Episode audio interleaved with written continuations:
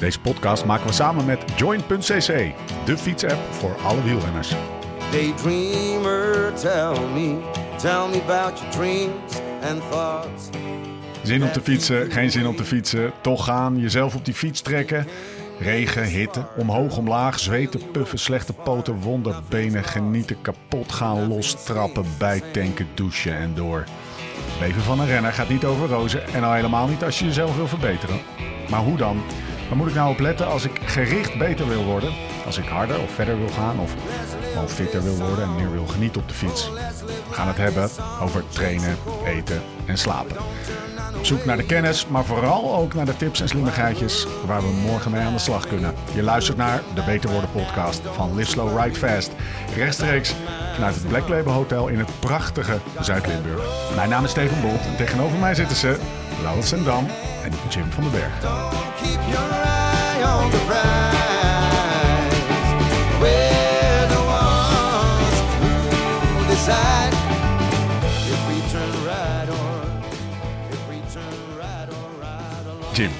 Laat ik eens met jou beginnen.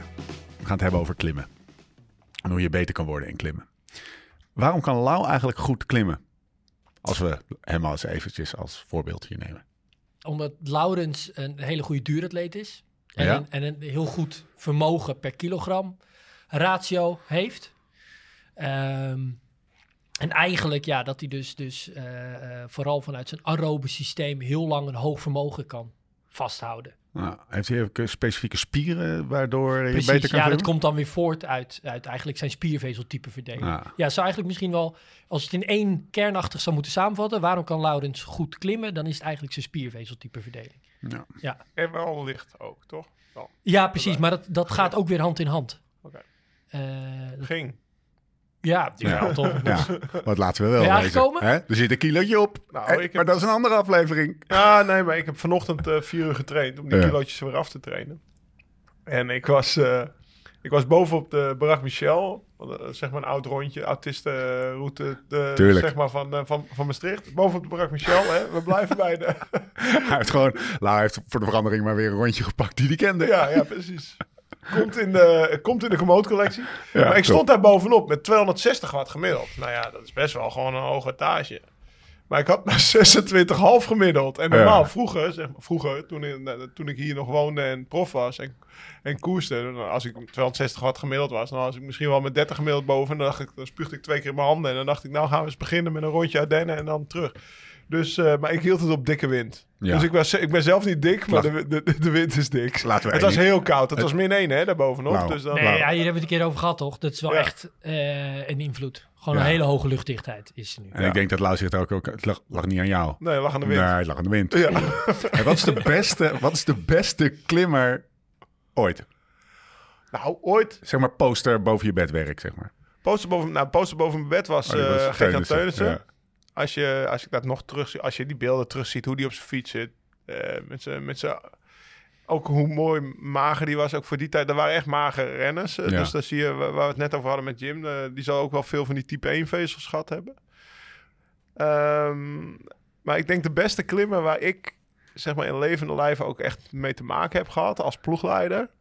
Jij vroeg dat net Ja. aan en eh, je zegt denk er even over na, Lucien van Impe. Ja.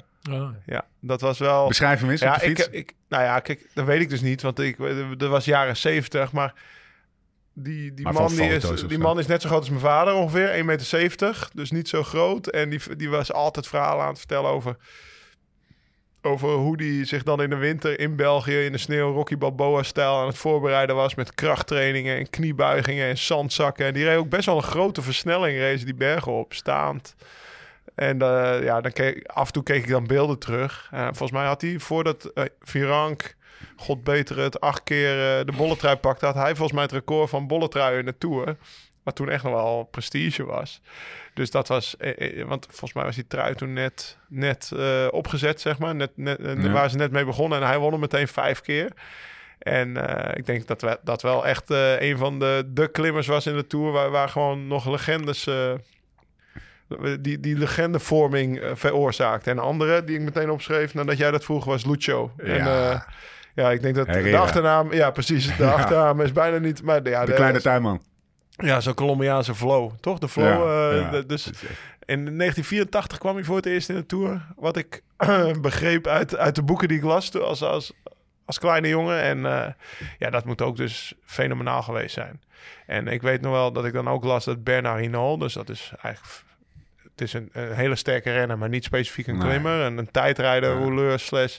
Die, die, die probeerde dan die Colombiaan al de eerste week op het vlakke te vermoorden. Want die zag ook wel, als, als Herrera op de Alpe d'Huez eh, een keer gaat staan... dan rijdt hij ook een minuut bij me weg.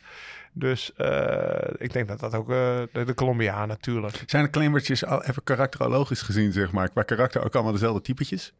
Ik heb het idee dat, dat als je het echt over de pure, pure klimmertjes hebt, even een beetje over die Basken en zo, dat zijn allemaal tactisch, tactisch Iba, gezien. Iba Mayo. ja, maar dat, dat zijn tactisch gezien, zeg maar, niet... niet Nou, niet kijk, als je, als, je, als je gewoon naar de geschiedenis kijkt van... eh, nou ja, ik noem nu Iba Mayo, maar je hebt ook José Maria Jiménez. Dat Ja. was ook echt een, Ja. echt een klimmer. God Pantani. zijn ziel, hè? Nou, Pantani. Ja.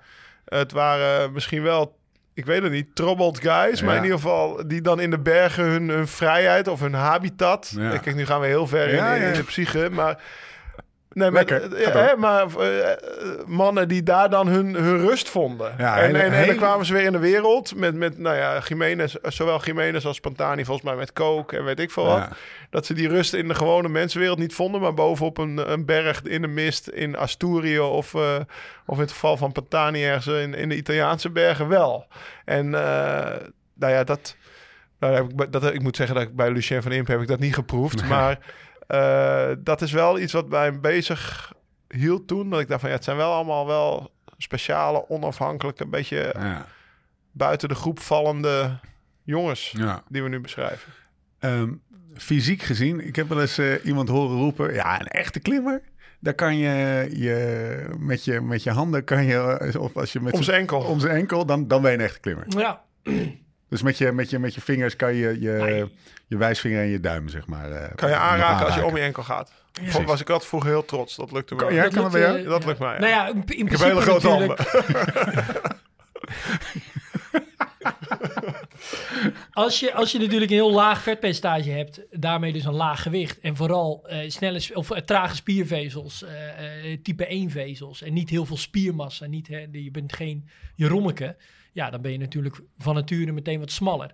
Of dat ook moet resulteren in dat je meteen met eh, eh, je wijsvinger of je, je duim en je pink eh, rond je enkel kan. Ja, volgens mij is dat niet per se noodzakelijk. Maar wat ik wel net zat te denken, wat je, wat je zei, Jammer. is wel... Ja. Ja, toch? Dat want dan mythe waren we eruit. ontkracht. Ja. Dan was het Terwijl, opgelost. terwijl ik het zei, terwijl, terwijl, terwijl, ik het- terwijl ik het zei, het ondertussen gebeurde waarvan we allemaal wisten dat het ging gebeuren. Kijk eens eventjes. Ja, ja. Nee, maar het is een beetje pink dan toch? Of niet? Duim en pink? maar is- Oh, duim en wijs. Ja, gewoon als je het als het maar met een je doet vinger nu duim en middelvinger. Dus, Ja, weet ik veel. Mijn langste vinger natuurlijk, gast. ah, oké. Maakt mij niet uit. Als Louder zichzelf als Vroeger vinger kwam het met zijn duim in zijn pink. ja. Ehm, ga jij eh, enkel nog boven tafel houden? Nee, ik ga me absoluut niet willen vergelijken met Loudens, terwijl we het over klimmen gaan hebben. Wat is er aan klimmen dat zoveel... Want het is een relevant onderwerp en veel mensen vinden klimmen Ja, eh, mooi en willen er beter in worden. Kan je wat woorden geven aan waarom jij denkt dat dat zo is? Nou, eh, daar zat ik dus net wel eh, bij, bij jullie eh, karakterologische uit- uiteenzetting van, van klimmers door de jaren heen. Ja. zat ik me wel eventjes af te vragen, nog wat belangrijk is met beter klimmen, is dat we een onderscheid moeten maken tussen mensen die bijvoorbeeld de Marmot als doel hebben gesteld. Dus ruim 4000 eh, hoogtemeters op één dag. Of die misschien zelfs eh, meerdere dagen in, eh, in de Alpen of eh, weet ik veel wat voor de gebergte willen fietsen. Of mensen die zeggen, nou ik wil heel graag Alpe d'Huez onder een uur op fietsen. Ja. Want dat zijn wel twee verschillende dingen. Nou, Eh, Oh, dat is... wa- waarom? wa- wa- ja, precies. ja, nou, ehm, grappig genoeg bijvoorbeeld, zie je dat je, dat je bijvoorbeeld als je eh, een, een klim als de Alpe d'Huez, of laten we even voor het gemak nemen, zo'n zo'n duizend hoogtemeters in één keer, zo snel mogelijk wil overbruggen, dan zijn juist ook nog wat sterkere wielrenners, dus wat, nog wat anaerobere wielrenners, die dus nog wel even wat meer anaerobe energie erin kunnen leggen, die kunnen dat vaak ook heel goed. Bijvoorbeeld, je hebt best wel wat van die roeiers, dan niet die hele zware roeiers, maar een beetje dat, dat, dat, dat tussengewicht roeiers, die kunnen dan, die gaan dan, die fietsen ook vaak, en die kunnen vaak heel hard, één keer een klim, precies, die kunnen heel hard een uur rammen. En die hebben niet te veel gewicht, waardoor ze helemaal naar beneden Net getrokken niet worden. te veel, Ja. precies. Maar ehm, ze zijn niet per se heel goed getraind om eh, de Marmot te gaan fietsen. Laat staan eh, om Tour de France eh, te gaan doen. Ja, dus je zegt Ehm, eigenlijk, wat vind je meer een echte klimmer? Nou, dat, da- daarom, zo dat ik erover na te denken. Nee, ik vind dus de echte klimmers zijn de, zijn de gasten die jij nu net beschrijft, inderdaad. Hè? Die dus eh, eh, Berg in berg. drie dagen eh, Ja. grote ronde of berg naar berg. Of gewoon niet zozeer één klim heel hard op. Weet je wie er ook was trouwens? Piepoli. Leonardo Piepoli. Dat Ja. is Ja. ook, eh, Ja. heb ik nog samen gekozen. Dat was, eh, dat was, was ook echt een echte klimmer. Die, die leefde ook alleen daarvoor. Vlakken Ja. interesseerde hem niet. Maar zodra het bergop ging, was hij er. Nou, niet geheel Maar van dat zijn we- gedrag overigens. Maar, eh, Dat was ook een, was, maar was wel een eindselganger, hè? Want als je Ja. het hebt over niet van geheel van onbesproken gedrag, dan heb je het over de bloedzakken die erin Ja. poempten. Maar wat ik begreep van de spiritueel leider, regelde hij dat allemaal helemaal zelf. ja. ja. ja. Dus dat, ook dat... Hij was geen onderdeel van een. eh, nou, een hij was geen onderdeel netwerk. van een netwerk. Ja. Nee, dus... Ja, Ja, echt, dit, zeg maar, die, die, dat is een beetje de, de conclusie. En dat Maar dat is was voor mij woord uit wel de hub. Is dat, dat, dat, dat die, zeg maar, echt de klimmertjes, klimmertjes, zeg maar, van vroeger, dat waren wel speciale types. Ja, hij, eh, precies. Maar hij ook, want hij was misschien wel een van de echt laatste. Maar wat ik begreep, de Giro was altijd zijn grote ronde waar hij goed wilde zijn. En dan de Tour eh, kwam er nog een keer achteraan. Maar als Italiaan, de Giro was voor hem belangrijk. En dan reed hij Luik naar Luik. Ja, En wij gingen dan allemaal nog naar Romandie om de Giro voor te bereiden. En dan ging hij, in, dan ging hij eh, naar zijn hut in de Dolomieten. Want hij had echt een heel klein appartementje ergens. Volgens mij in Toscane, wat ik van Thomas begreep. Maar ook daar. eh, en dan ging je daar vier dagen op rij, zeven uur per dag trainen. En dan ging je gewoon zo hard mogelijk zeven uur. En dan echt van die lange klimmen van een uur eh, staan. Maar eh, dat is het dus ook wel dat je... ehm, kijk, een soort van evolutionair gezien is de, is de mens aeroop heel goed trainbaar. En juist dat anaerobe, dus dat meer sprinten en even heel kort vermogen leveren. eh, dat, is, dat is qua spiervezeltypeverdeling is dat wat meer talent. Wat Ja. meer op je genen. Dus wat deze renners wel allemaal gemeen hebben, is dat ze er... Ze hebben natuurlijk echt wel dat, dat extreme duursporttalent. Dus dat extreme aerobe talent. Dat heeft Laurens ook. Maar tegelijkertijd, als je dat uiting dat wil laten komen... moet je er wel extreem veel voor doen. ja. En dat hebben deze gasten natuurlijk wel allemaal gemeen. Dit waren waarschijnlijk allemaal figuren die op, op 30, 35 uur per week aan, aan trainingsbelasting zat. En nou ja, eh, Fabio Jacobsen, die jullie laatst nog hebben geïnterviewd, die zit dat eh, Ja. eh, eigenlijk, ik denk, bijna nooit. ja. Ja. Eh, Ja, ja dus, het is, als je beter ik. wil klimmen, Ja. eerste wijze lessen alweer eh, van de professor. Ja, het is veel. Moeite. Het is heel veel. Ja, en, maar, en, en ook wel weer de, de upside is eh, met, met eh, ja, als je die trainingsbelastingen maar consistent blijft trainen, blijft Ja. uitbouwen, dan is, is eigenlijk kan je van een, van een, van een klimmer zal je nooit een sprinter maken, maar je zal van een sprinter zou je een, ja, een slechte klimmer Ja. kunnen maken, om het even Ja. zo te zeggen. Maar je Ja. kan wel, je kan, de mens kan best wel goed duur getraind worden. Ja. Terwijl dat sprintwerk en dat korte uh, anaerobe werk veel meer op, uh, ja, op talent of op, Ja. uh, op, je, op degene Ja, van je een beetje goed en slecht moeder. nieuws. Het kan, het kan, het kan voor veel mensen. Ja, maar je moet er wel veel- vaak veel voor doen. Voor, voor fietsen. Ja. Oké, ehm, meest gemaakte fout van de toerist.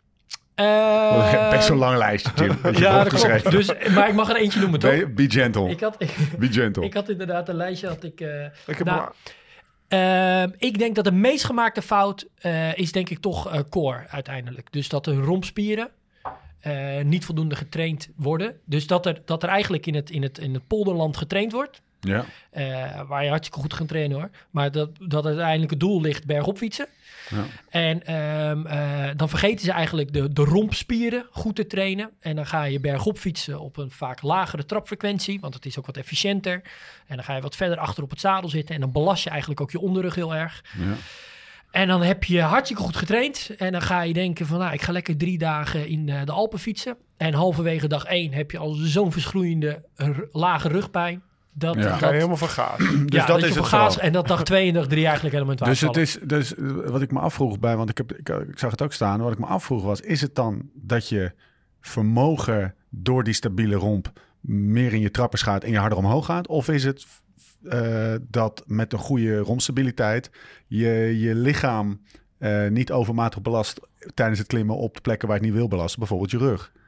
Dus Eh, het zorgt het, is het nee, soort van... an- andersom. Ja, je, wil die, je wil het wel belasten. Je wil die kracht juist wel Maar, eh, ook uit je onderrug halen. Ja, je houdt jezelf heel.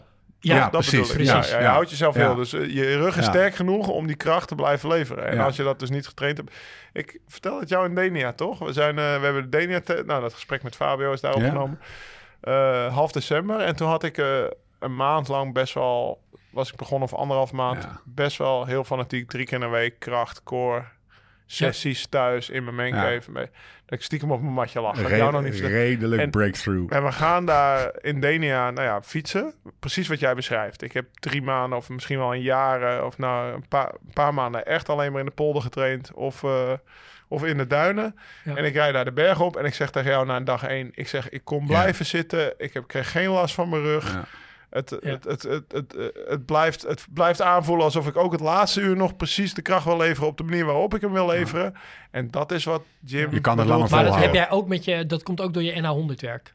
Ja, misschien ja. Dat is heb je ook veel, hè, dat, je, dat je zeker op die, op die mountainbike en die, en die, dat die fietspositie ga je net wat verder achter op het zadel zitten. Wat mulzand bijvoorbeeld, hè, dan duw je wat meer naar voren. Eh, of tenminste, de trappers duw je wat meer naar voren. Jezelf gaat wat naar achter zitten. Dan gebruik je ook heel erg, belast je heel erg ook die roms. Hoeveel kan het schelen? Zeg maar, dus ehm, ja, is misschien een beetje lastige vraag, maar wat is de impact van een hele goede core hebben? Nou, wat er juist vaak gebeurt, het is niet zozeer dan uit te drukken in, eh, in dat je vermogen dan hoger gaat liggen. Maar je, wat Laurens net zegt, je houdt jezelf heel. Ja. Je kan die kracht blijven leveren. En dat, eh, eh, ja, is- dat, moet je, ja. dat, moet je, dat moet getraind zijn. Je gaat het niet merken in de pieken, maar je gaat het merken in Nee. het gemiddelde wat langer. ja, op en het dat, je, als je het niet getraind hebt, dan gaat waarschijnlijk eh, een, een, een eerste grote call hartstikke goed. Maar gaat het daarna wat minder worden. En zeker de dag erna. Noem je de, deze bewust als eerst? Nou, is die het nee, belangrijkste? Ja, tenminste, ik moest kiezen van jou, dacht Ja. ik. Nee, Ja, niet. Nee. nee, want er zijn er, er zijn er wat mij betreft wel, wel meer die wat, wat, wat soms beter kan. Maar Ik Eh, heb er nog één toegevoegd. Als eh, laatste puntje, denk ik. hoog FTP. Nee. 50 kilo Eh, overgewicht. 50 kilo overgewicht. Ja, zullen, Ja. zullen we, we hebben, er, we hebben Ja. eigenlijk eh, eh, we hebben er drie, vier, zeg maar. Hè? Dus het, het ge- gewicht is belangrijk. Core stability, eh, die hebben we nou al min of meer behandeld. Mhm. Kracht, zitten staan en FTP. Laten we gewicht eens even pakken. Hebben we het in de podcast met, eh, over afvallen ook Ja. al even over gehad. Maar doe nog even een, eh, een klein eh, hoorcollege over de impact van gewicht op klimmen. Ja, ja. Ehm, nou, ik had ook een rekenvoorbeeldje opgeschreven. Ehm, eh, maar gewicht is, en dat snapt iedereen. Ik bedoel, je hebt als je bergop moet fietsen, dan komt de hellingsweerstand komt erbij kijken. En, en een van de eh, belangrijke factoren is daar het gewicht van natuurlijk wel het, het, to- de totale massa die je omheeg, omhoog wil slepen. Dus dat zijn, dat is ook je fiets. eh, je fietskleding, je zadeltasje, eh, het type schoenen dat je aan hebt. Maar natuurlijk is verreweg de grootste component degene die op die fiets zit. Ehm, en dat maakt wel een groot verschil, ja. Eh, of tenminste, hier bijvoorbeeld in dit voorbeeld, als je een kilo lichter bent met eh 74 kilo, dan eh, is het een minuut tot anderhalve minuut ga je dan sneller de Alpe d'Huez op. Ja. Als je rond, in dit rekenvoorbeeld rij je, dan fiets je dan rond de 270 watt een klim op. Ja. Dus dat is wel En dan is meer, een kilootje is ja. meer, Ja. ja? Maar ja, Nou, een minuut tot anderhalf minuut is wel vet veel. ja. Ja, maar ik weet niet wat je dacht bedoelde. Ja, ja. Nou, Nou, ja, ja, ja, kijk, ja, ik dacht aan de andere minuut. kant maakt het uit voor de, voor de gemiddelde recreatieve fietser. Wat ik me altijd afvraag, nee, want daar, daar hebben we het inderdaad over. Daar maken we deze podcast ook Ja. eh, voor. Eh, en in die situatie heb ik zelf ook gezeten. Ja, moet ik nou eigenlijk gewoon... Want het is altijd de vraag van... Ga je nou... Dit is weer een beetje afvallen misschien, maar in het subje gewicht. Ga ik nou eh, even een dagje minder trainen, zeg maar. En gewoon heel weinig eten.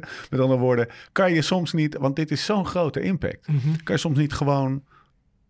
eh, focussen meer op afvallen dan dat je kan focussen op het, eh, op het trainen zelf. Als je die marmot wel eh, met goud wil afsluiten. Nou, wat, wat er nog wel eens gebeurt, is bijvoorbeeld mensen die we, die we testen, of hè, we hebben het ook al eerder over gehad in de Ja. podcast over afvallen, dat afvallen en trainen gaat best wel slecht samen. Ja. En soms is het best wel verstandig om eerst wat proberen af te vallen en daarna de trainingsbelasting pas op te Methode voeren. Kijk, eigenlijk moet je nooit stoppen met trainen, hè, want het gaat er niet alleen om dat je dan hard en klim op fietst. Het gaat er ook om dat je gewoon gezond blijft. En daar is sporten is een wezenlijk onderdeel om het menselijk lichaam, eh, trouwens, en geest eh, eh, gezond te houden.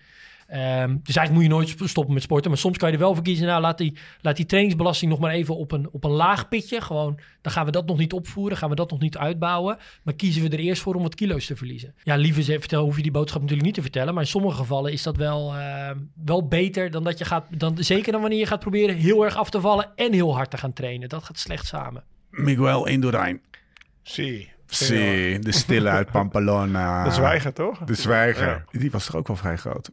Ja, die was 80 kilo of nou, ruim 80 kilo. Ik heb toevallig van de week kwam er nog een staartje voorbij op, eh, op Twitter van Ja. Amita Porelli of zo. Een, van die, een van, die, van die mannen die al die eh, watts per kilo uitrekenen. Over de, de, de lijn van Contador en de lijn van Indurain op alle klimmetjes. Dus van Ja. Ventoux tot, nou ja, volgens mij de 10 minuten klimmetjes. Een- Ja. Een 10 minuten klimmetje. En die van Indurain lag overal boven die van Contador. Terwijl ik zie natuurlijk Contador wel veel meer als een echte klim. Daar heb ik ook Ja. Zelf tegengereden. Maar dan, dat was, dat was een man van 80 kilo in de rij met een, eh, met een V2 Max van 92 en, en volgens mij een omslagpunt van 500 watt. Ja, die ga je nu niet meer vinden. Maar dat En waren... dat was wel een beetje artificieel ook natuurlijk. ja, Een beetje. Ja, ja. Ja, dat Dus- bestond toen dus nog. Hè? Van Ja. die hele grote, maar ook... Toen waren ze in de Ronde van Vlaanderen en Parijs-Roubaix... waren ze helemaal allemaal 2 meter en 120 kilo. En ook bergop waren het gigantische beesten die gewoon... Maar leg nog eens uit, want dat, dat, je, dat je als Indurain met je, volgens mij was hij zelfs nog meer dan 80 kilo, een grote gast, Ja, lange vent. Eh, en dan hebben we het toch even niet over eh Bjarne Ries, weet je, Ja, helemaal nou ja, een soort precies. slagschip. Ehm, waarom die dan toch in bergetappes geholpen door, eh, nou, eh, EPO, denk ik, hè? Mhm. dat is wel een beetje het, het middel toen, toch zo hard die berg op kunnen, harder dan ook die kleine klimmertjes. Ja. Want ja, daarvan zou je verwachten, ja, die pakken toch Nee, ook. kijk, waar we het bijvoorbeeld vaak over hebben in bergop fietsen... dan gaat het om wattage per kilogram. Want Ja. zoals we net gezegd hebben... eh, kilogram maakt een groot onderdeel uit Ja. van de prestatie bergop. Eh, maar als dat bijvoorbeeld bij een profwielrenner op eh, 6 watt per kilo ligt, dan zien we wel dat dat menselijk lichaam gewoon in absoluut vermogen op een gegeven moment een beetje tegen zijn grenzen aanloopt. Gewoon wat dat lichaam aan kan. Ehm, en dat zag je dus in die tijden. Dat, dat was gewoon niet zo. Hè? Toen, toen kon dus een Indurain gewoon rustig eh, een uurtje 500 watt fietsen. Ja, dat, dat, dat was niet niet. helemaal gezond. Ja. Nee. Nee, dat gebeurt niet meer. Maar die, die, hè, die, die, volgens mij hebben we dat ook al eens eerder benoemd. Dat die, die motor, die was zo ontzettend opgevoerd. opgevoerd. Ja. En, daar, en dat, eh, dat kan je op natuurlijke wijze eigenlijk niet bereiken. En En- waarom die toen won van die kleine klimmers toen, Ja. want die hadden natuurlijk ook 6 watt per kilo, Ja, was dat die kleine klimmers die werden op het vlakke. Want op het vlakke, eh, ja, dat telt de kilo's minder. Dus dan moet Miguel moet dan, weet ik veel, het peloton 300 watt rijden. Maar die kleine renner ook. En dat is voor hem relatief veel meer. En daardoor had hij zeg maar, op de dag zelf ook al voordeel ten opzichte van, eh, Ja. van een echt kleine man. Ik minder zijn. hij was minder moe aan de Ja. voet van de slotklim. Ja. En eh, nou ja, dat Ja. dus. Mooi. Ehm, nog heel even over rompstabiliteit. Mhm. Eh, kan je daarvan aankomen? Ehm, ja, je bouwt wel wat spiermassa op. Ja, zeker wel. Ja. Ja. Maar de, de, de verhouding spiermassa wat je kan winnen... Hè, als je bijvoorbeeld al een halve kilo spiermassa aankomt... dan, dan eh, dat, is, dat is flink. Hè? Ja. Dus als, als er nu iemand aan tafel gaat beweren... dat hij vijf kilo aan is gekomen aan spiermassa... Dan, nee, dus eh, dat, is, dat is wel vrij verwaarloosbaar. Die kunnen we afvinken. Hoef je er geen zorgen Nee, over te hoef je geen maken. zorgen over te maken. Je, als, Nee. Oké. Er was er wel altijd, vroeger was er bijvoorbeeld met, ehm, als dan een wielrenner krachttraining ging doen, dan kon je bijvoorbeeld met een voedingssupplement als creatine, dan hou je ook wat ietsje meer vocht vast, maar dan zou je ook wat meer spiermassa kunnen aanmaken. En dan was het een soort van, oeh, gaat dat dan op een gegeven moment ten koste van iemands klimcapaciteiten? Ja. Maar ook daarvan zeggen we tegenwoordig van, nou, dat weegt eigenlijk niet op tegen het voordeel dat je ook weer kan hebben van de krachttraining. Dus Heb jij dat is op zich het punt niet. Heb jij bewust, zeg maar, in je echte dun... Ik zat nog weer die Tour van Bouwen laten kijken, jongen. Ik zie buiten die bus staan. Wat een echt een, wat een, een schimp was het Ja, daar. precies, ja. Een uitgewrongen vaatdoekje. Met alle respect. En in die tijd, deed je toen bewust geen krachttraining? Of deed je toen wel krachttraining? ik- of hield je er rekening mee? We hebben het over gehad dat het vooral vaak tot het voorjaar was. Nou, Ja. dan is het in de Tour wel weggeëpt. Ja. Dat de, die kilo's van de krachttraining aan, aan spieren. Maar wat je bij mij zag was volgens mij vooral een heel laag vetpercentage. ja, ja. Ja. Ja. En we hebben het nu over spieren, dus dat, het, dat is een verschil. En ehm, van core kwam ik niet aan, Nee. eigenlijk. Eh, de Sarah Bed yoga kom je niet van aan. Hè, dan ben je flexibel en je kan een plankje wat langer volhouden. En, en, en je romstabiliteit is beter, maar het is niet dat je even twee kilo in je bovenlichaam erbij bij krijgt omdat je moet aan het opdrukken Nee, bent of optrekken. Of, dat, dat, is, dat is voor mij ook geen is- core. juist hè? ook core is niet gericht op hypertrofie. Hè? Je doet niet heel weinig herhaling met heel veel gewicht. Nee, core is erop gericht dat je heel lang dezelfde positie vasthoudt. Ja. Dus het gaat veel meer om krachtuithoudingsvermogen wat je traint. Ja, en dat komt misschien ook nog wel naar voren in een andere podcast. Maar het is vooral ook aansturing. Of, of vooral, het is veel lal ook dat je hersenen weten welke spiertjes je aan Ja. moet sturen om, om, om jezelf stabiel te houden, toch? Of niet? Maar nou, dat, eh, ook, maar het is ook wel echt voor een groot deel dat je gewoon de spieren sterker maakt. Oké. Dus, eh, en dan echt het geheel sterker maakt. Ehm, voor mensen die meer willen weten over krachttraining voor fietsers, luister die aflevering, waarvan mij nu eventjes de titel is ontschoten, maar mijn liefstallige assistent nou, dat kan, kan, ik dat je vertellen. Eh, aflevering 15. Aflevering 15. Even terugscrollen. Gaan wij weer door met klimmen. Als we eh, het over Ja. diezelfde Indorijn hebben, die bovenbenen van die vent, die waren Ja. wel zo ongelooflijk lang. Ja. Eh, krijg je daar beter van klimmen? Met andere Eh, woorden, de verhoudingen in je lichaam. Eh Eddie Merckx heeft wel eens gezegd, een, eh, een goede Vlaanderen-coureur heeft een lang bovenlichaam ten opzichte van zijn benen. Ja. Eh, kan je ook zoiets even afgezien van gewicht ja. of de dikte van zijn, eh, zijn, eh, zijn enkels ja. zeggen over, over klimmers? Ja, bi- biomechanisch maakt het wel uit Ja. dat als je inderdaad langere eh, eh, lichaamssegmenten hebt, langere eh, bovenbenen, eh, dan kan je ja, in ieder geval theoretisch grotere hefbomen creëren. Ehm, punt is natuurlijk ook wel, ja, die, die, die massa en, en, eh, en die lengtes moeten ook wel weer. Hè, daar heb je ook wel de spieren weer voor nodig Ja. om dat weer te kunnen doen.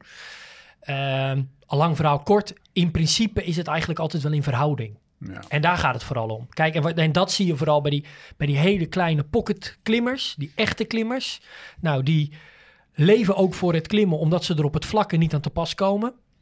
Als we nou kijken naar bijvoorbeeld... ehm, Een soort noodgedwongen ja, klimmer. Ja. precies. Ik bedoel, ja, dat is dan ook hetgeen waar je goed in bent. En je, en je komt er ook in de waaieretappen of vooral ook in de tijdritten niet aan te pas. Terwijl wat zien we juist bij die klassementsrenners? Dat zijn wel vaak de wat uitgerektere, hè, de wat langere klimmers. Niet Ja. de echte pocketklimmers, omdat die uiteindelijk gewoon in het absolute vermogen Ja. op het vlakke en dan met name in de tijdritten tekort komen om voor een algemeen klassement te kunnen gaan. Komt ineens wat in me op. Ik weet dat jij hebt op een gegeven moment een soort van ja, carrière switch is een groot woord, maar jij hebt er bewust voor gekozen om klassementsrenner klimmer te worden. Ja, het is me geadviseerd ooit, ja. Ja. Nou, ik was best wel een tijdrijder en eh weet ik veel, 2, 73 kilo. 1, 2, 73 kilo. En let ik niet op mijn eten specifiek om echt af te vallen. En toen zei eh in 2006 reed ik best wel goed bergop in de ronde van Castilla Leon. Ja. Die won José Acevedo en Vinocourov reed daar en zo. En ik werd 18 in het eindklassement. En dat is mijn eerste jaar dat ik bij Unibet reed. En toen zei Erwin Thijs tegen me, Lau, in de Benelux hebben we heel veel renners zoals jij nu bent. ja. Maar volgens mij kan je best wel goed klimmen. Dus die zag wel dat ik op een lange klim daar echt wel relatief lang aan hing. Dus als je daar nou een keer wat meer op focust, dat betaalt beter in de Benelux. Ja. Omdat je ja, in, in Nederland, België, klimmers waren dunner gezaaid dan de renners die ik toen was. En, Een goed eh, loopbaanadvies. Ja, Ja. dat was voor mij een topadvies. Wat ben je toen anders gaan doen? Nou, ik, ben- ik, ben van, ik ben wel op mijn eten gaan letten. Dat is eigenlijk het voor, het voornaamste. Ja. Dat ik eh, van 71 naar 68 kilo ging en dezelfde wattages behield. En eh, dat vooral. Dus voor de rest ben ik denk, ja, voor- ik denk, want we, ja, we horen het over lange benen en het gaat uiteindelijk toch op wat, wattage per kilo. Ja, en eh, daarom de meest gemaakte fout van de toerist had ik uh, gekscherend opgeschreven 15 kilo overgewicht. Maar dat, kijk, eh, ik kan nog steeds, mijn motor is best nog wel, als ik, zoals ik vandaag aan het fietsen was in het begin van de podcast schreef ik erover. Nou, de, de motor zit er nog wel. Alleen die moet wel meer carrosserie omhoog sjouwen. Of, of, hè, en dat is Ja, nu, nou, het is nu geen probleem, maar dat is, zou wel het probleem zijn als ik, als ik de Marmot ga rijden. Want Ja. eh, er moet gewoon vijf kilo meer mee omhoog. maar dit is ook wel En hoe jij is- dus, jij, jij kijkt ook heel erg naar dat klimmen van ja, maar dat is gewoon trainbaar. Dat is wat jij hebt gedaan in je Ja. carrière. Dat was gewoon je hè, doorzettingsvermogen, het gewoon doen. Let op je voeding, veel uren maken, trainen. Zo benader je dit ook heel Ja. duidelijk. Maar- Ik zit ook heel erg te denken, want jullie aan het begin zeggen, dat is, ik had er nog nooit zo over nagedacht, maar dat, dat komt natuurlijk wel voor een, voor een heel groot gedeelte die getroubleerde zielen vandaan in het, in het profpeloton. Die, met name dus die klimmers. Dat is, Ja. dat is, niet, dat is inderdaad geen toeval. Is het, eh, het Nou, is een je- gevolg van de manier waarop ze trainen? Ja, precies. Ik bedoel, eh, eh, Dumoulin is er ook aan onderdoor gegaan Ja, uiteindelijk. Of onderdoor, Nou ja, je traint heel veel, maar je, eet, je eet niet heel veel. Nee. En die combinatie... constant Ja. op je voeding moeten lennen, su- eh, superveel trainen. Ik bedoel, Roofbouweis zijn tol. Ja. Ook, ook, Terwijl mentaal. Laurens had ook gewoon een aardige prof kunnen zijn met 2,73 kilo. Dan combineerde hij een beetje wat, wat grote rondes in de knechtenrol met, met wat, wat voorjaarswerk. Was die prima prof. was hij nu een stuk gezellige persoon Ja, geweest. ik dat gaat hij zeggen. Ja, Dat, hè? aardige prof zijn. Ik dacht, oeh, maar hij komt nog. Nee, maar dit is wel Ah, hij echt... nam eh, even drie ik- stoten op zijn romp en boem, op de lever. Heerlijk. Hou die vast, hè. Ehm, eh, en dan toch even, eh, oké, watts per kilo, dus ook over watts. Moet je anders trainen als je, laten we die mamot maar, of laten we voor de, laten we eens een keer dit, wat heel wat anders nemen. Mhm. De Dolomiet Marathon. Nou ja, ja. Potato, potato. ja, dat is een Ja. beetje... Nee, ik snap het. ja. Moet je specifiek, wat, wat, wat zijn nou echt klimtraining? Ehm, nou, dus eigenlijk eh, eh, niet per se eh, op de intensiteit fietsen waarop je dan de tocht Ja. of het evenement wil gaan doen. De, eh, eh, wat we in ieder geval weten, kijk, het gaat. Eén ding is heel, trouwens heel belangrijk. Eén, er bestaat niet per se een goede of een slechte training. Er bestaat alleen een goede of een slechte combinatie van trainingen. En dan twee is dus, dat betekent dat eigenlijk de intensiteit door de, door de week of door je trainingsschema heen ehm, ja, goed richting jouw doel moet zijn. En wat we daarin ook weten is dat bijvoorbeeld het threshold model, dus heel veel juist rond dat omslagpunt fietsen. En dat is ook wel een beetje de, de intensiteit die je graag bergop zou willen kunnen volhouden. Dat is eigenlijk niet zo lonend dan wanneer je dat vergelijkt met juist dat polarized trainingsmodel, waarin je juist relatief veel doet op een lage intensiteit en vrij weinig dan weer ver boven je Ja. FTP. Eh, met andere woorden, vaak gaat het erom als je dan bijvoorbeeld als je een uur eh, bergop wil fietsen, nou, dan wil je een zo hoog mogelijk eh, FTP, Functional Threshold Power, het vermogen dat je maximaal een uur zou kunnen volhouden, fietsen. Wat je dan niet moet doen om dat te bereiken, is eh, alleen maar op dat FTP gaan trainen. Dat weten we inmiddels wel. Dat is, de analogie is als je een marathon wil lopen, moet je niet alleen maar marathons gaan trainen. Nee, nee. Dat, daar ligt het, dat is veel te zwaar voor het lichaam, hou je niet vol, ga je kapot, breek je alleen maar af. Ehm, even heel praktisch vanuit Join vertaald. Wat is nou precies het verschil tussen eh, als mijn event eh Dolomietenmarathon is versus eh, eh, qua trainingsprogramma en intensiteit en opbouw en de strandrace van Egmond? Ja. Ja. Nou, in de, Of, of nee, laten we iets, iets wat er iets dichterbij zit, eh eh, Ronde van Vlaanderen. Eh, nou, Ronde van Vlaanderen krijg je ook wat meer eh 2, 3, 4, 5 minuten VO2 max. Ja. Eh, ehm, dat soort blokken. Ja. Eh, en je krijgt bijvoorbeeld met dat bergop krijg je wat meer kracht. Ja. Ehm, en juist bij het bergop zal je af en toe nog wel een threshold training tegenkomen. Ja, hangt trouwens wel weer af van hoeveel uren je inplant. Ja. Hoe minder uren, hoe vaker je nog wel een threshold training tegenkomt. En, en de reden daarvoor ook wel weer is dat je juist als je op FTP wil verbeteren, moet je even simpel gezegd relatief weinig op threshold trainen. Maar het loont weer wel om wel af en toe op threshold te trainen, zodat je wel snapt en weet ook wat die intensiteit inhoudt. Eh, je moet vooral ook, als je goed bergop wil kunnen fietsen, namelijk jezelf wel ook kunnen pacen. Wat de meeste mensen doen namelijk, als ze bijvoorbeeld, ja, weer die Alpe d'Huez, maar het is toch een beetje een Nederlands klim, Ja. eh, is ze gaan die eerste vier kilometer vaak te hard. Dat Ja. doet eigenlijk 9 op Ook de omdat 10 die zwaar wielrenners zijn, die, ja. die vanuit Bourg-d'Oisans die, die klim zien liggen. Ook omdat ze het zwaar zijn, klopt. Maar ze zijn een beetje hyped. Een Ja. beetje hyped, precies. stroomt. Je hebt er Ja, zin in. Ja. En eigenlijk start bijna iedereen ermee te hard. En dan, en dan moet je dat eh, eigenlijk ja, de rest van de beklimming ook vaak bekopen. En eh, eh, wat dan ook wel weer helpt, is dat je wel weer snapt of voelt hoe FTP voelt. Want dat, Ik denk dat pacen heel belangrijk is op een ja, klim van een uur. precies. Dat is gewoon echt, Dus dat moet je ook leren. Ja. ja. dat moet je echt leren. Maar wa, wa- eh, Je gaat vaak jullie hebben het geleerd, zeg maar. Wat, Ja. wat is de conclusie? Dat, Van dat iedereen- leerproces? Dat, dat je gewoon... Dat, het, dat je bijna niet te rustig kan beginnen. Nee, Ja, het, ja. precies. Het voelt zo rustig wat je tot bocht 1 Ja. rijdt. Ja. Maar als je dus met een vermogensmeter rijdt, wat, wat Ja. hopelijk na deze podcast eh, veel Ja. meer mensen doen. Ja, maar als je... Als je Nee, maar je ziet gewoon wat rustig voelt. En dat is, nou ja, zeg voor mij, weet ik veel, 340. Dat voelt een uur verder, op, bij bocht 21, voelt het als dat je tong op je stuur of op de grond, dat voelt zo zwaar. Ja, Terwijl dat zeg maar 20 bochten naar beneden voelt. Ja. Echt alsof je... Exact. Ja. En dat is precies, dat is wat pacen is. Dus Eigenlijk als, als iedereen aan de voet van de klim bij je wegfietst, dan rij jij het juiste tempo. Ja. Dus soort Dat kan je van- op aannemen. de rest gaat toch te hard. 9 En- op de 10 gaat te hard. En dat is vooral omdat je aan het eind relatief veel kan verliezen door jezelf op te blazen. ja, ja, Ja, dat ja. is het, hè? Ja, ja, absoluut. Ja. Ja, maar het is al... Vandaag was ik met Jan aan het fietsen. En dan rijden la- lange klimmetjes op. En... Ja, ook ik rijd met een vermogensmeter, dus dan kan je het precies zien. En Jan niet, die is daar verre van. Maar eh, je merkt gewoon, we beginnen een klim en dan rijdt meteen een half fiets voor me. En ik weet, als ik dit vermogen blijf rijden en...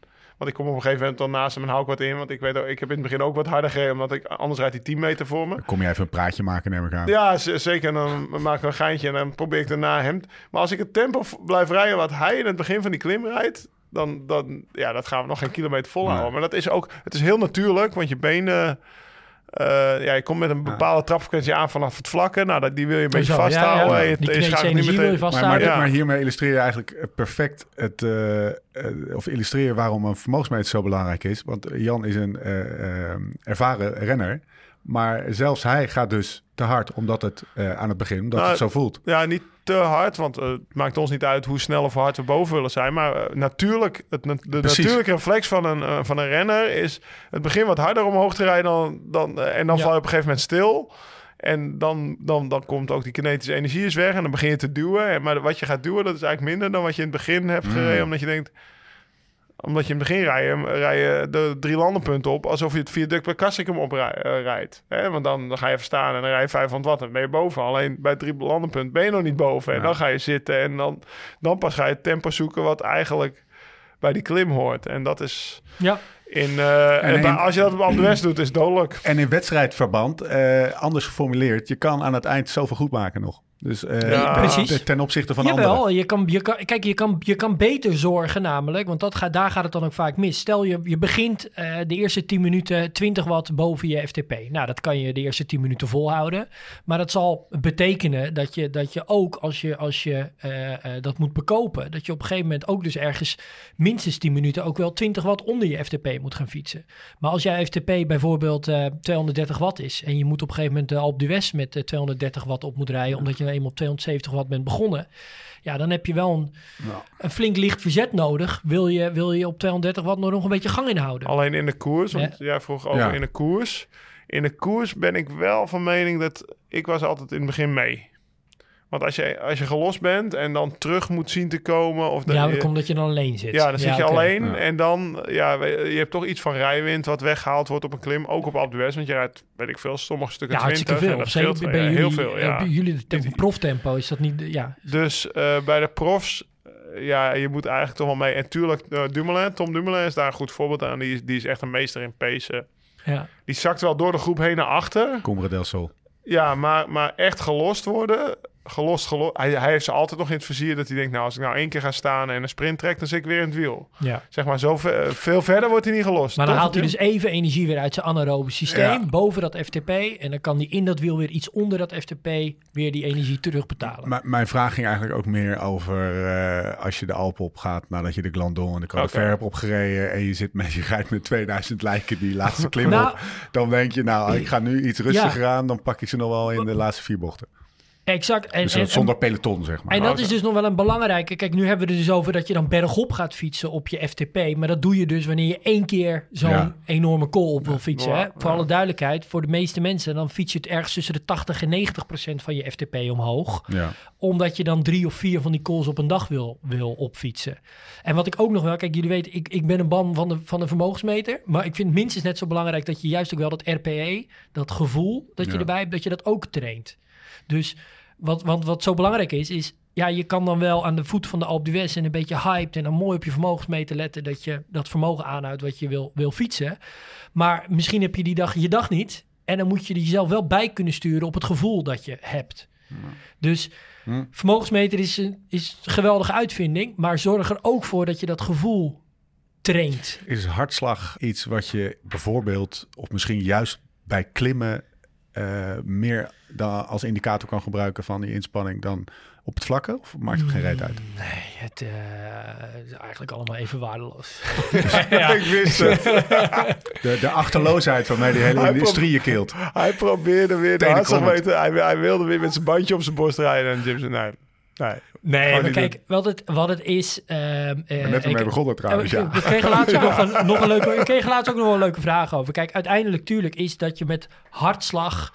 ehm, eh, iemand wees me op... ehm, ik weet niet meer. Nou, in ieder geval...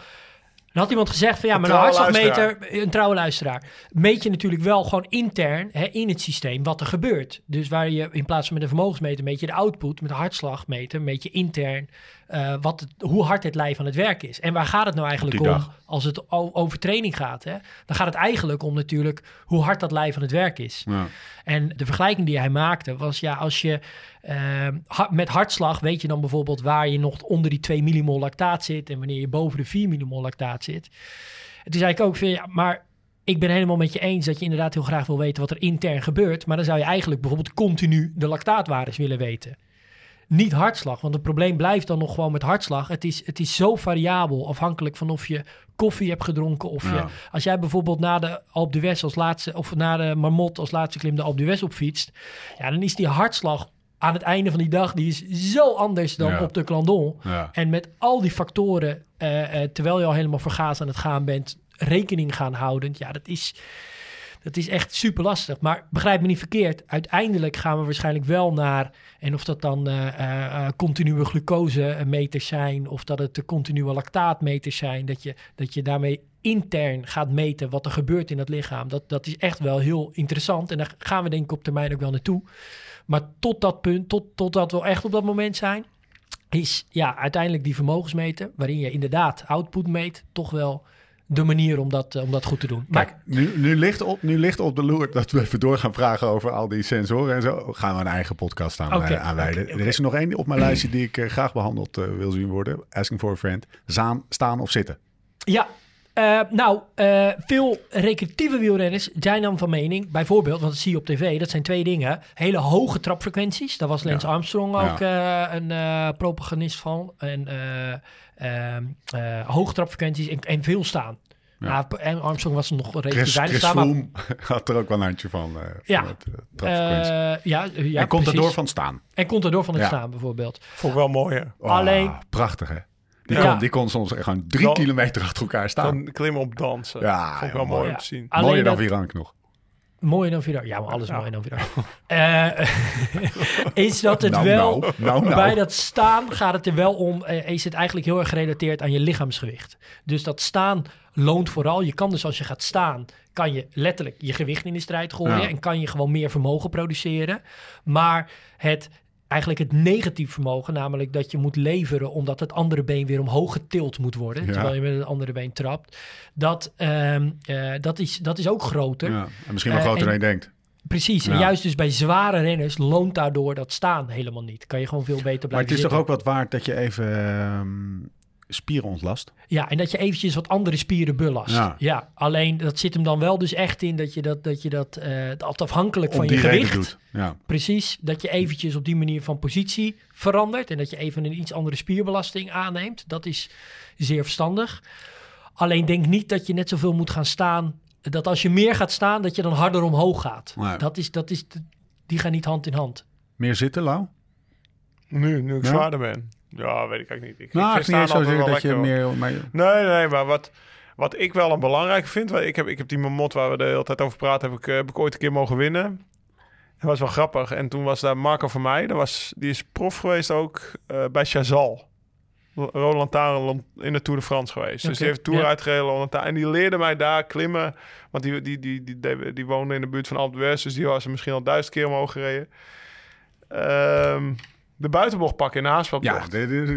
In plaats van, en ik vond het toen, en dat vind ik nog steeds zo, ook in de koers, dat ik er ga binnendoor vlammen, omdat ik kon dat toevallig wel even dat staan en daardoor zo'n stijl binnenbocht rijden. in de binnenbocht. Ja, precies. Ja, maar eh, als jij, als jij eh, nou ja, zeg maar de, de mamot oprijdt en je probeert Alpe d'Huez in 1 uur 20 omhoog te rijden, dan moet je geen binnenbocht pakken hoor. Dan moet je gewoon, eh, rij lekker die buitenbocht, probeer gewoon je snelle of je, je- de druk op je pedalen ja. hetzelfde te houden. Want als je door een binnenbocht rijdt, dan, dan, dan, dan schiet hij even naar de 500 in mijn geval, Ja. weet je. En eh, nou ja, als je er zeg maar een buitenbocht rijdt, dat je op een gegeven moment, eh, dan kan je soms zelfs wel iets druk van je benen afhalen en Ja. dan weer.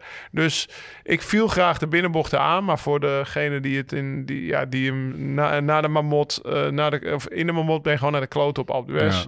Dan ben je niet meer goed genoeg om die binnen, binnenbochten aan te vallen. En dan zou ik gewoon lekker die buitenbochten rijden. Ja, weet het, hier een beetje is ook. Kijk, stel even in een rekenvoorbeeld, jouw FTP is 400 watt. Dan kan je dus op de Alpe d'Huez eh, eventjes inderdaad 500 watt fietsen. Maar dan kan ook, en Laurens kan dat, die kan dan eventjes eh, 350 watt gaan fietsen. En dan kan die dat eigenlijk even terugbetalen. De gemiddelde recreant heeft helemaal niets over op de, op de West om te kunnen terugbetalen. Dus die moet dat soort pieken vermijden. Omdat als hij dat terug moet gaan betalen, ja, dan moet hij met de voet aan de grond. Ja. Dus dat is wel heel erg belangrijk. Het, we weten inmiddels ook wel dat het juist, ja, dat, dat lactaat shuttelen heet dat dan. Als je even boven FTP even veel lactaat aanmaakt. Nou, dat lactaat dat is dan heel eh, zinvol, want dan kan je weer snel nieuwe energie uithalen. Dan kan je dus door de hele tijd eigenlijk te spelen door net even erboven en dan weer net eronder, kan je eigenlijk een hogere of een betere eindtijd bijvoorbeeld op de Alpe Ja, Ik vond dat ook heerlijk. Ja. Alleen voor een recreant geldt dat niet. Voor Ja, de meeste dan- geldt dat maar niet dan nog- helemaal. Want dan, Andersom geredeneerd en weer over die bochten, even afgezien of je Ja. binnen of buiten pakt. Eh, ik denk dat heel veel eh, amateurs de neiging hebben even uit te rusten in de bocht. ja, En dus even terug te gaan naar 50 watt in die bocht. En dan, het is best wel steeds op al de Ja. zijn. Dat is dat best Ja. wel veel waarbij je even ja, geen vermogen levert. En op het moment, en dan als je toch zo snel mogelijk boven wil zijn, weet je, een PR'tje wil, ik zeg maar even wat. Dan, dan eh, zou het je verbaasd eh, doen staan hoeveel tijd je in die bochten verliest door uit te rusten. Dus, dus Ja. niet voor zo snel. Ja, Ja, maar als op een gegeven moment, even heel simpel, als jij eh 85 kilo bent en je FTP is eh 210 watt, dan rij je, ja, maar ik zie Laurens meteen een glimlach op zijn gezicht eh, eh, komen, maar de, de hele volkstammen, zeker aan het einde van de mamot, ja. die ergens tussen de 200 en 250 watt omhoog fietsen op de Alpe d'Huez, dan, dan ben je al een toffe peer. En dan, en dan ben je waarschijnlijk geen 70 kilo, ben je al een paar kilo zwaarder. Dus Nee. dan, dat betekent dan ook dat je gewoon op hele rechte stukken waarschijnlijk boven je FTP in het fietsen bent, op je allerlichtste versnelling die je hebt. ja. Dus dan heb je ook die bocht nodig om, even het weer even terug te betalen. Dus ja, dan kan je dat maar beter even wat langer over doen en, die, en helemaal die buitenbocht pakken. Eh, want ja, dat, anders Mooi. kom je gewoon niet boven. Mooi. Eh, nog shortcuts, heren? Nou ja, ik wou nog even wel zeggen, want dat is nog echt een belangrijke in dat klimmen. Wat, wat dus naast ehm, eh, dat staan zitten, Ja. is het vaak ook die trapfrequentie. Ja. Dan zie je ook vaak dat juist bij beroepswielrenners, die kunnen, want die zijn ook heel efficiënt, die, hun coördinatie is heel goed, die kunnen dus hele hoge vermogens leveren op hele hoge trapfrequenties. Ehm, maar als jouw FTP, jouw vermogens wat lager liggen, is het vaak veel efficiënter om wat lager in die trapfrequentie te zitten. Dan Ja. is ook gewoon je, je zuurstofopname is gewoon lager. Ehm, eh, het kost gewoon minder energie. De spierbelasting ligt wel hoger. Ja. En je zal waarschijnlijk ook eh, je core zelfs wat meer belasten. Ehm, dus ja, dat moet dan wel allemaal voldoende getraind zijn. Maar het loont wel voor recreatieve fietsers om op juist een wat lagere trapfrequentie omhoog te fietsen. 60? Ja, eh, tussen, 50? tussen de 60 en de, en de 80 omwentelingen Nou ja. ongeveer. Zou- Ga je daar wel echt onder, dan is die spierbelasting zo hoog dat je, dat je al halverwege de klim spierpijn krijgt. Maar het gaat toch vanzelf, Jim, wat je nu zegt, of niet? Ja, ja en nee. Want ik denk, eh, nou, dat is een goed punt. Ik denk dat eh, zeker ook met staan zitten en bijvoorbeeld ook met zo'n trapfrequentie, luister inderdaad goed naar je lichaam. Dan gaat het vanzelf. Maar denk dus niet van. Ik moet veel gaan, moet gaan staan. Of ik moet Armstrong gaan nadoen, Of ik moet zoals eh Wilco Kelderman. Hè, die zit ook op 90 omwentelingen. Het ziet er prachtig uit om hoog te fietsen. Maar dat hoeft de gemiddelde recreatieve fietser echt niet te doen. Ik heb, ik heb wel altijd het gevoel gehad dat ik mijn optimale trapfrequentie, als ik goed gefocust was, vanzelf uitzocht. Ja. Vond. Tenzij je opeens op een fucking stalen kring kwam en je had geen versnelling over van achter. Dan, dan, dan, dan moet je wel, maar... Ja. Dus Ja, alleen ik dan zat al ging er tussen bewust de, mee. nou ja, tussen de 80 en de 85, of altijd. Dat hing er ook vanaf, eh, zeg maar eerder richting de 85 als we 400 reden. En als we 300 reden, was het dan 80, bij wijze van spreken, of Ja. 75. Dus hoe lager inderdaad mijn wattage was, hoe lager ook mijn trapfrequentie was. En dat, Ja. dat is wat ik bedoel met, volgens mij gaat het wel van, bij mij ging het vanzelf. En volgens mij bij veel mensen. Ik ken niet veel mensen die met 90 omwentelingen de op de West omhoog fietsen hoor. Die met... eh, bij de profs? Nee, bij de amateurs. Nee, nee, nee, zeker niet. Nee. Nee. Nee, maar misschien dit ze wel denken van, oh, ik moet dat doen, want eh, eh, Ja, dat, ja. zo doen ze het bij de profs nou eenmaal. Laatste vraag, die we nog niet eh, hebben, hebben besproken. Eh trainen in de polder voor eh, Ja. een grote bergencyclo. Ja. Of, of om te klimmen, laten we het zo even zeggen. Nou- kan, kan het of kan het niet? Gedeeltelijk. Dus wat we net ook beschreven, ehm, je gaat op een, op, als je bergop fietst, dan ga je wat verder achter op het zadel zitten. Ja. Dan plaats je ook vaak je handen bovenop. Wat je dan ook doet, is dat je je rug wat achterover kantelt. En dan nou, komt hier de, de, de vaatstraat en hier in je heupen, dat zet je mooi open. Dus Ja. dan kan je ook veel kracht leveren. Juist ook echt uit je bovenbeenspieren. Je gebruikt daarmee bijvoorbeeld de spieren aan de achterkant van je bovenbenen wat minder. Hè? Als je op het vlakke rijdt, ga je wat meer voorover. Kruip je wat meer naar de punt van je zadel. En je duwt je pedalen als het ware wat meer naar voren dan dat je ze naar achter wegduwt. Dat doe je op het, op het vlakke ga je dat doen. Dus het is echt wel een beetje een andere belasting. En daarbij gebruik je dus ook die, die romp meer op een lagere trapfrequentie. En waarom doe je dat allemaal? Dat gaat eigenlijk doen dus wat Laurens terecht aanhaalt hoor. Dat doe je eigenlijk helemaal vanzelf. Ik denk dat als iemand die daar geen ervaring in heeft en je, laat hem, eh, je zet hem aan de voet van een berg, dan gaat hij dat automatisch doen. Hij gaat automatisch een beetje in die positie zitten. En dat stuk, ja, dat train je eigenlijk niet op een vlakke weg in de polder. Ja. Sterker nog, dat train je al niet op je indoor trainer. Ook niet met twee, eh, dat heb ik ook nog wel eens gedaan, twee telefoonboeken onder je voorwiel. Eh, nou, wat je Dat vooral... hoek van je fiets dan iets anders wordt. eh, nou ja, ja, Wahoo ja. heeft zo'n heeft zo'n climber Ja, hè, waarbij je Nou, omhoog gaat. En, en wat je ook, en dat is ook wel een belangrijke in wat je in het klimmen doet, hè, dat is dat je ehm, je fiets een beetje onder je vandaan. Ja. Ehm, eh, ja, sway noemen ze dat in het Engels. Dat je, ehm, en je hebt tegenwoordig indoor heb je van die rocker plates, die dat ook een beetje simuleren, toch? ja. Eh, wat, je, wat in ieder geval wat je daar doet iedere keer, is dat je je, ja, eigenlijk je lichaamszwaartepunt plaats je wat meer onder je eh, pedaal. Dus je kan daarmee, je gaat eigenlijk je gewicht plaats je iedere keer precies wat meer boven het pedaal, wat de kracht moet leveren. Dus dan kan je iedere keer een beetje je gewicht in de strijd gooien bij je slag naar beneden. Dat doe je dus bij het klimmen op die lage trapfrequentie, doe je dat heel erg. Nou, dat doe je dus in de polder op een hogere trapfrequentie veel minder. Dus ja, het is dus lang verhaal kort. het is best moeilijk dat allemaal in de, in de polder zo te simuleren. Maar je kan wel degelijk bijvoorbeeld eh, ja, eh, eh, op een lage trapfrequentie met flink wind tegen. echt meer dat krachtuithoudingsvermogen of een minuutje op 60 omwentelingen. Ja, maar je kan natuurlijk ook kan, zorgen je, dat je... kan je een klimmetje op fietsen Ja, en je of een lang viaduct. Je bent natuurlijk ram, je kan jezelf ram goed trainen in de polder, dus dat de FTP moet hoog liggen. En je kan zorgen dat je licht genoeg bent. Ja, en, dat je zijn kan eigenlijk- koorden naast doen. En je kan Dan heb je al naast doen. 80% te pakken. Ja. Ja, dan, oh, Ja. dan over of je je fiets heen en weer zwengt. Nou, dat leer je snel genoeg op Alpe d'Huez voor, voor mijn gevoel. Ja, maar dan heb je dat. Het is dus niet helemaal voor 100% Nee, maar, maar, maar die drie dingen die ik net opnoem, Het zijn wel de grote zijn brokken. wel volgens Ja. mij belangrijker dan je fiets zwenken, of Ge- niet? No excuses. Eh, dat zijn wel de belangrijkere Ja. dingen. Ja. Nou, mooi. Nou, heerlijk. Ontnuchterend. Ga je nog wat anders doen, eh, Ten Dam? Naar aanleiding van eh, de wijze woorden van de professor. Hij gaat sprinter worden. Nee, ik ga zes uur trainen en niet eten. Moet Doe het gewicht af. Ja, toch? Grijs neem ik Ja, aan. ja. Ah, uitstekend. te grijs. Meer zitten? Op een serieuze noot? Nee, Nee? nee, ik ga voor de rest. Nee, nee, nee.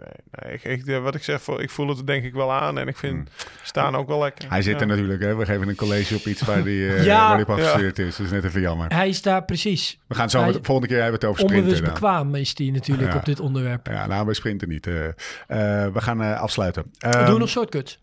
Nou, dat heb ik gevraagd. Nee, nee. Jawel, Ja, heb je nog oh. een shortcut voor me? Oh, Ja, ik nou, had dan moet het eigenlijk aan Laurens. Ja, heb je nog een Ik shortcut? zei ja, nou, ik had erbij gezet afzien.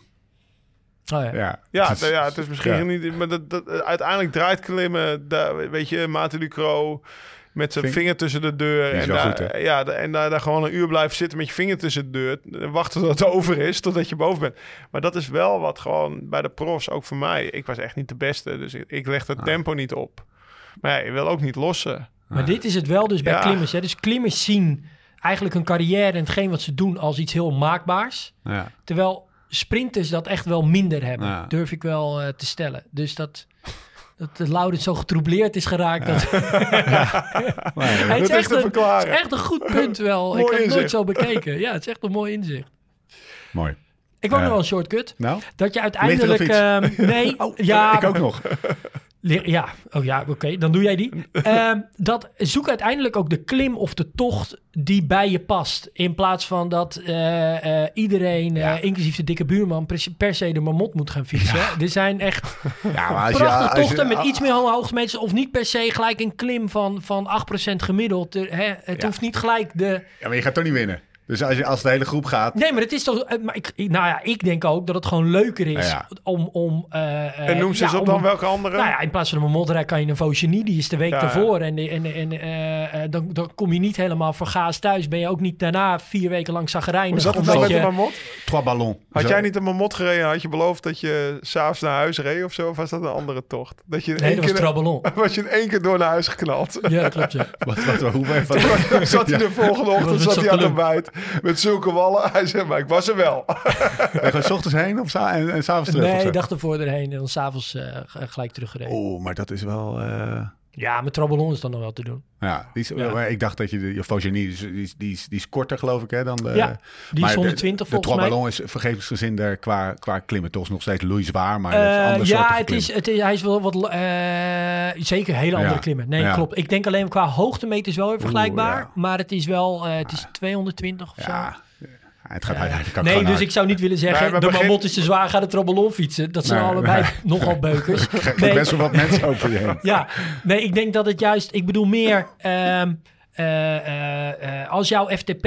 Stel je FTP is 230 watt... dan is er misschien een, een, een klim... waarin je wel een beetje tempo kan houden... Ja. met wat lagere stijgingspercentages. Veel leuker Ja. en mooier om op te fietsen... dan dat je per se die Alpe d'Huez op moet fietsen. Ja. Dat is... Daar probeer ik mensen bij. En, en zeker... En ik snap wel, ja, die wil je dan op je bucketlist... en enzovoort, enzovoort. Oké, maar dan nog... Er zijn zoveel mooie evenementen. Volgens mij hoeft het niet per se altijd te gaan... omdat het dan de Marmot is of de Dolomietenmarathon of de, de Otstalen. Dat is helemaal gekke werk. In de Ardennen heb je ook een paar mooie cyclo's. Hè? Nou ja, eh, bijvoorbeeld. Nou, zij hebben die Belgen wel echt af en toe... De Ronde van Noord-Holland. Nou ja, Mag ik mijn shortcut, mag mijn shortcut droppen? Dus- Eentje van romantische aard. Bidon in je achterzak. van Met een renner, hè? Ja, Jacques Anquetil deed het al. Ja. Was, een li- was een fietslichter. bidon leeg spuiten. Fiets-. Nou, dat, eh, maar dat, dat werkt echt. Ja. Ja. Onleeg spuiten. Ja, dan ben je ja, gewoon lichter. Ja, ja. ik hoor Ja. net dat een kilo eh, anderhalf minuut is. Het werkt wel Ja. als je, Ja, dan is een halve kilo drie kwart minuut Ja. in als mijn je een rekenvoorbeeld. ploegleidersauto achter je rijdt. Nee, oké, maar... Ga eh, niet op de Glandon als je de Marmot fietst. Je bidon Maar je leeg bidon in je achterzak werkt niet. Hè, is misschien goed voor de moraal, Ja. maar het werkt niet. Maar een lichtere fiets werkt natuurlijk wel. Ik vind het wel mooi als je iemand ziet fietsen. Die Eh, sterker nog, als je bijvoorbeeld gewicht weet te besparen in roterende massa, dus bijvoorbeeld in je wielen, dan levert dat wel weer meer op Dan een lichter frame. dan, dan, een, dan een lichter mens. Vaak gaat het No erom shit. dat mensen zeggen van ik Ja. wil, ja, want juist in die tempoversnelling Ja. ook, in, in die bochten en zo, dan is die roterende massa, want die zit dan ook in je acceleratieweerstand. Dan kan je beter de- daar een kilo. Nee, dat is geen moeilijk woord. Nee, maar ik, ik kom er Oh, je steeds maar... versnellingen. Dat je daarin, dat je, dan kan je beter daarin besparen. Want, want vaak wordt dan gezegd, nee, ik ga jezelf wel een kilo afvallen. Ja, oké, dat, dat hè, Ja. prima. Dat is waarschijnlijk Maar je moet ook hele dure carbonlichte Ja. Maar- kopen van Jim. Alpinistjes. Helaas is het wel zo dat je, dat je ja, op je fiets... eh, Dit is wel echt een serieuze Kan je shortcut. dan beter besparen. Lichte En als je het afrekent via. PayPal, dan heeft verder niemand thuis door. dat is ook nog een belangrijke shortcut. On- online cursus. Online cursus van, van zes Tiende minuten. bitcoin. Hotza. Opgelost. Oké, ehm, we zijn eh, bijna aan het uur. We gaan, eh, we gaan afronden. Wil je nog meer weten? Of wil je meteen met Join aan de slag? Check dan direct de link in de show notes in de podcast app of op liveslowridefast.com. Wordt het nog steeds allemaal door de professor uitgelegd. Twee weken gratis Join, bovenop die twee weken die je toch al krijgt. Maandje gratis trainen. Toch lekker. Eh, de, de ehm, decembermaand hebben we de mensen even moeten opschudden. Maar eh, dit, eh, dit komt uit, denk ik, zo in eh, maart. Dat is wel de periode dat iedereen weer eh, wakker wordt geschud. Hè? Ja, toch? Ja, vaak is eh, in februari het eerste mooie weekend, wat nu net achter ons ligt. Ja, Dan heb je toch wel weer zin om op die fiets te stappen. mooi. Ik moet ook zeggen, we hebben in december mensen wakker geschud. Vanaf 1 januari, hoe kan het ook Ja. anders, eh, zijn mensen massaal eh, Ja, aan, het, aan het Voornemen trainen. effect, Ja, Lekker. precies. Ja, zullen er ook We mensen zagen zijn... het ook in de swag. Ja, Er werd meer Ja. fietskleding gekocht 1 Ja. januari. Het goede Ja, voornemen maar- effect. Lekker. Precies. Oké, vergeet ook niet. Als je er even uit moet. We zitten er weer. Weliswaar zitten we nog in een, eh, in een fase... eh, Light. Black eh, Label Light. Black Label Light, want er is geen Pokeball. Nee. Dat is wel heftig. De stagiair die moest echt, echt eh, slachtofferhulp bellen. Nou ja, we zitten dus... eh, het is nu half januari, dus we zitten nog in, in, in een, lockdown. een lockdown. Ja, we Dus, zitten we eh, eigenlijk. Ja, we- nee, maar de- het was een onaangename verrassing. Want we Zo. liepen heel blij naar het ontbijt vanochtend. En die vriend van me die ik mee heb, die, eh, die, was, al, eh, die was al sinds gisteravond hongerig. Ja. Ik zei, ja, morgenochtend gaan we lekker ontbijten. Dus die heeft de halve nacht En toen was het... nee, je kreeg trouwens wel hele lekker... Achteraf, we waren teleurgesteld dat we aankwamen... niet zelf alles mochten pakken. Maar nou, de ontbijttasjes, die waren echt... We kregen ze niet op. Nee, Maar ja, ontbijttasje op je kamer is natuurlijk niet... nee. Kijk, eh, laten we... Maar dat... We moeten ermee leren leven, maar... eh, Dat is even snel als het goed is. Als je nu boekt op eh blacklabelhotels.nl slash liveslowridefast. arrangementje pakken. Dan krijg je de hele CBM voor je kiezen. Verrassing op je kamer. Lekkere Barolo Dirty strooien in, de, in, de, in de kelder. Ja, je kan je fiets eh, chic eh, schoonmaken met spullen van Dynamic. Echt, de hele Live Slow, Ride Fast experience eh, krijg je voor je kiezen als je dat arrangementje boekt. En met de code podcast pak je ook nog een mooie korting. Nou, korting, gratis. Als we de mensen nou niet warm hebben gemaakt voor een weekendje Limburg en, en een abonnementje op Join, dan weet ik het ook niet meer. We zijn er doorheen. Tot de volgende keer. Hoe dan ook en waar dan ook. En voor de tussentijd, Beter worden, beter worden, beter worden. Let's live this song. Oh, let's live like this song. Change some chords, but don't turn none away. Why looking